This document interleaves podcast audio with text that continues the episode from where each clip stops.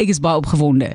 Hier is tuisgebakte hoog kwaliteit brood van Suid-Afrika hier van die wynlande en pragtige olyfolies wat ons gaan proe. Dit is sekerlik een van my gunsteling dinge want ek voel met elke teelepeltjie olyfolie wat ek eet is ek gesonder. Dalk bietjie meer van my, maar ek is gesonder. En ons verwelkom ons gas in die ateljee want ons is trots oor ons Suid-Afrikaanse produkte en daar is ook natuurlik 'n kompetisie elke jaar om die beste van Suid-Afrika uit te wys. Ons gaan gesels oor die goue toekenninge, maar Jackie Loupsher is hier en sy gesels dan oor die onlangse SA Olive toekenninge en ons proe saam met haar, sy's 'n lid ook van die SA Olyf Proe Paneel.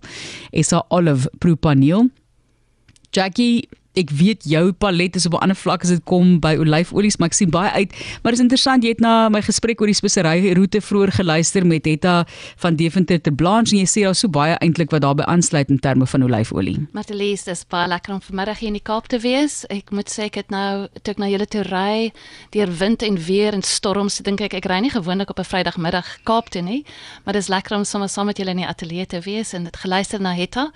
En toe ek luister na wat sy verduidelik verduidelik het van die speserye en die antieke kulture van die Romeine en hoe dit saamgekom het, het ek besef dit sluit presies aan by die olyfolie, ons wyn, ons olyfolies kom ook saam met die antieke kulture van die Grieke en die Romeine en so dit versprei. Um as ek hulle weet nie regtig presies waar die eerste um olyfbome of dit in Persië, maar dit was in die Mediterrane streek van Persië en Mesopotamië en so dit gesprei en die Romeine het natuurlik dit ook in die in die Hellenistiese beskawing het ges, um, dit ook versprei um, tot in Spanje en die hele Mediterrane streek en deel geraak van nie net hulle kook nie, maar soos jy gesê het, dis kosmeties, dis gesondheid, dit was ook gebruik vir die atlete So dit was ehm um, ook in rituele, die godsdienstige rituele vir olie olie vir hulle lampe. Dit was daar soveel gebruike gewees en ja. ons begin nou eers weer ontdek hoe hoe fantastiese produk dit is. En ek moet sê ek het nie groot geraak met olyfolie in die huis nie. Dit is iets wat in die afgelope 20, 25 jaar soos jy sê oplewing ervaar in Suid-Afrika. So wat is julle ervaring van Suid-Afrikaners se ervaring van olyfolie? Is hulle besig om meer en meer daarvan gebruik te maak? Beslis. As ek dink 25 jaar gelede, dis eintlik seker toe my eie reis met olyfolie begin het. Um ek het dit was gedryf deur gesonder om gesonder te eet om ook um groente en ander produkte te gebruik um in alternatiewe te soek vir vir die medium vet wat ons op daai stadium gebruik het botter en ander olies en die hele mediterrane dieet was natuurlik toe alreeds bekend hoe gesond dit is Um maar wat ek 25 jaar gelede gesien het, was olyfolie nog nie rarig so baie gebruik soos wat ons deesdae sien nie. En dit is besig om te groei. Beslis nog as ek kyk na die gebruik in die wêreld is ons nog steeds gebruik ons as Suid-Afrikaners nog steeds baie minder, maar dit is aan die groei. En daar's toenemende ehm um, bewuswording dink ek van die gesondheidswaarde van olyfolie, maar nie net gesondheid nie. Dit is ook wat dit toevoeg wanneer ons daarmee kook, wanneer ons dit gebruik. Want dit is soos die speserye wat Hetta van gepraat het wat toegevoeg het die geure en die die smake in jou kos, die aromas en ek dink as mens begin besef dat olyfolie is nie net 'n medium waarin jy iets gaar maak nie of wat jy net gebruik as 'n kookmiddel nie, maar dis 'n bestanddeel. Ja. En dit dit voeg geure en smake toe en dit en dit dan begin mens regtig die genot ook van dit ehm um, besef en geniet, nie net die die gesondheid nie. Ek moet sê ek het baie respek vir die proses want as jy nou dink daar staan nou 'n paar olyfbome en om daai olywe moet nou natuurlik ek sê gepluk word maar daar's maniere wat jy dit moet maar geskit word en dan val dit af en so en dan moet daar 'n massiewe klomp olywe gepars gepers word eintlik pars word om daardie olie te onttrek. Maar ons gaan nou nie oor die tegniese aspekte daarvan praat nie, maar ek het altyd net baie respek vir 'n bottel olyfolie net in terme van die proses. Maar kom ons praat oor die streke van Suid-Afrika. Waar vind jy die meeste herkoms in terme van olyfolie. So die olyfolie is 95% van ons olyfbore is in die Wes-Kaap wat natuurlik die mediterrane klimaat het en ehm um, so ons vind dit is waar die grootste gedeelte van ons ehm um, bome geplant is en waar dit ook aan die groei en die industrie besig is om toe te neem is in die Wes-Kaap. Die somerreënvalstreke is nie ideaal vir olyfbome nie Um en ek dink dit is definitief um wat dit beperk tot basies die Weskaap. So dit is vir ons dit vind. Maar Martelies net om by jou aan te sluit, ek dink hoe meer ek leer en hoe meer ek te doen het met olyfolie, hoe groter is my bewondering en respek ook vir die wat vir die produsente want daar moet so baie goed regloop van in die boord eh, met die bome totdat jy in die prosesseringsfasiliteite is met die berging daarvan en en die produkte wat ons op ons rakke het, ons Suid-Afrikaanse olies is van topgehalte en ons kompetisie het dit net weer bewys. Ons produseer absolute topgehalte olies en dit maak my so opgewonde, maar ook my respek en waardering vir die produsente wat toegewy is om kwaliteit produkte te lewer. Ons praat oor Suid-Afrikaanse olyfolie. Die toekenninge is bekend gemaak. Wat proe ons? Okay, ons gaan nie praat oor dis nou baie belangrik wat dat die luisteraar weet. Hier is geen etikette wat ek nou eintlik kan sien. Ek kyk dit so van agter af. So sy gaan net vir my aangee. Okay. So ons ons gaan nie bekommerd wees oor die etikette nie. Ons gaan praat oor die style en wat ons byvoorbeeld proe. So ek gaan net ek gaan glad nie vir jou kykie en dan het ek nou 'n baie pragtige ou blou glasie in my hand. Hoekom is dit blou? So blou is omdat ons nie die kleur, ons wil nie geaffekteer word deur kleur nie, uh, want kleur is nie in die eerste plek 'n aanduiding van kwaliteit nie. Dit is nie dit is van sekondêre belang. Dis nie dat dit nie belangrik is nie, maar ons wil nie beïnvloed word deur die kleur nie. So internasionaal word dis ehm um, olies as dit by enige kompetisie gaan ons in blou glasies proe sodat ons nie beïnvloed word nie. Ehm um, en dan natuurlik moet die olie so klein bietjie warm gemaak word en die proe van olies is baie dieselfde soos wyn en ek dink die meeste luisteraars sal meer vertroud wees met die met wynproe, maar ons wil die aromas en die geure wil ons evalueer. So dit beteken dis wat ons ruik en dit wat ons proe. So en, ons, ja. En as dit kom by wyn dan maak die kleur nogal saak. So ja, dit is baie interessant. Dit, dit ja, ja. Die, die, by wyn is kyk jy ook na die kleur. So hier wil ons dit nou uitsny. So maak jy olie so 'n bietjie warm in die glasie en dan reuk is ja. net.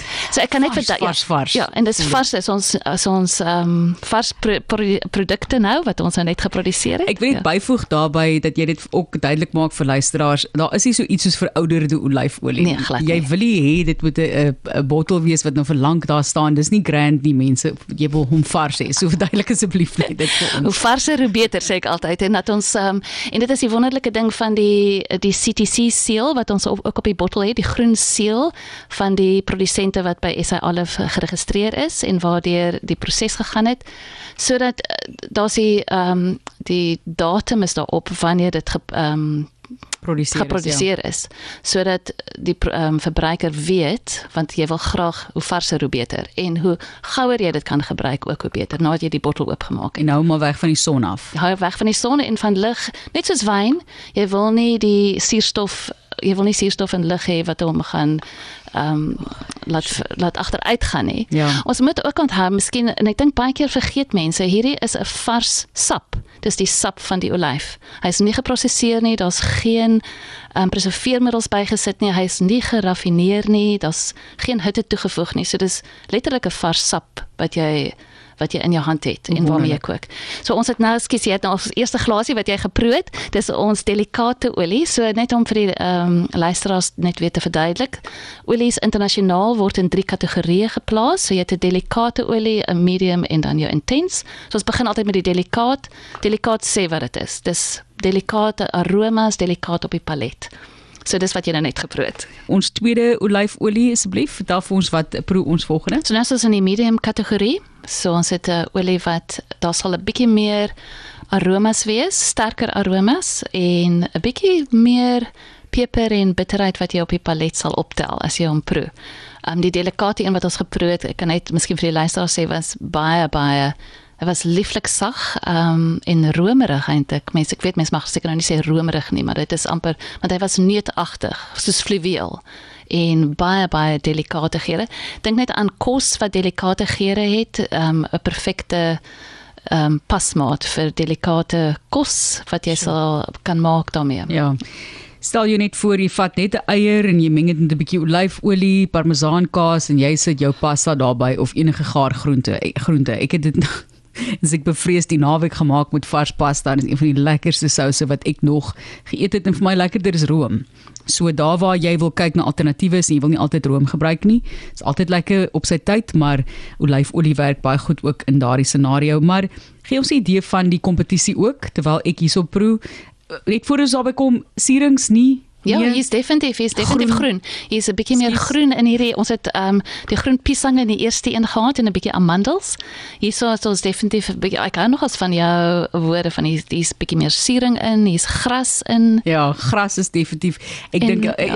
oor 'n waterblommetjie breedie kan jy nou altyd vir hom 'n bietjie sprinkel. Ek is nou so bly jy noem die waterblommetjie breedie want ek het uh 2 jaar gelede ehm um, het Women in Olive Oil, dit was 'n platform wat geskep is hier in die in um 2020 en al die produseerende lande oor die hele wêreld vrouens van oral het daarbey aangesluit en hulle was besig om kosse van al die streke ehm um, wou, wou hulle graag nou publiseer en toe vra hulle vir maar hier kom niks uit Suid-Afrika nie en jy het net maar ook gepraat van jou eie koskultuur en van groot word en ons het in die, ek het in die Weskaap groot geword maar olyfolie was nie deel van ook nie van my koskultuur nie dit het definitief eers die afgelope 25 jaar reg eers begin groei.